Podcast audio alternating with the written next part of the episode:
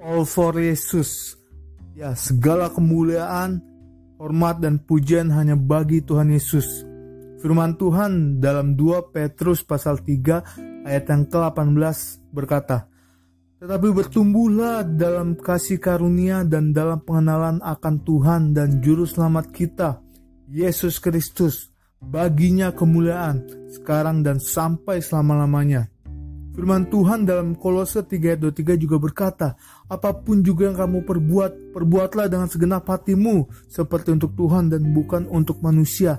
Inilah yang membuat All for Yesus ada, baik di Instagram, YouTube ataupun Spotify. Biarlah segala kemuliaan hanya bagi namanya dan biarlah setiap kita boleh diberkati lewat setiap pemberitaan firman Tuhan pada postingan All for Yesus.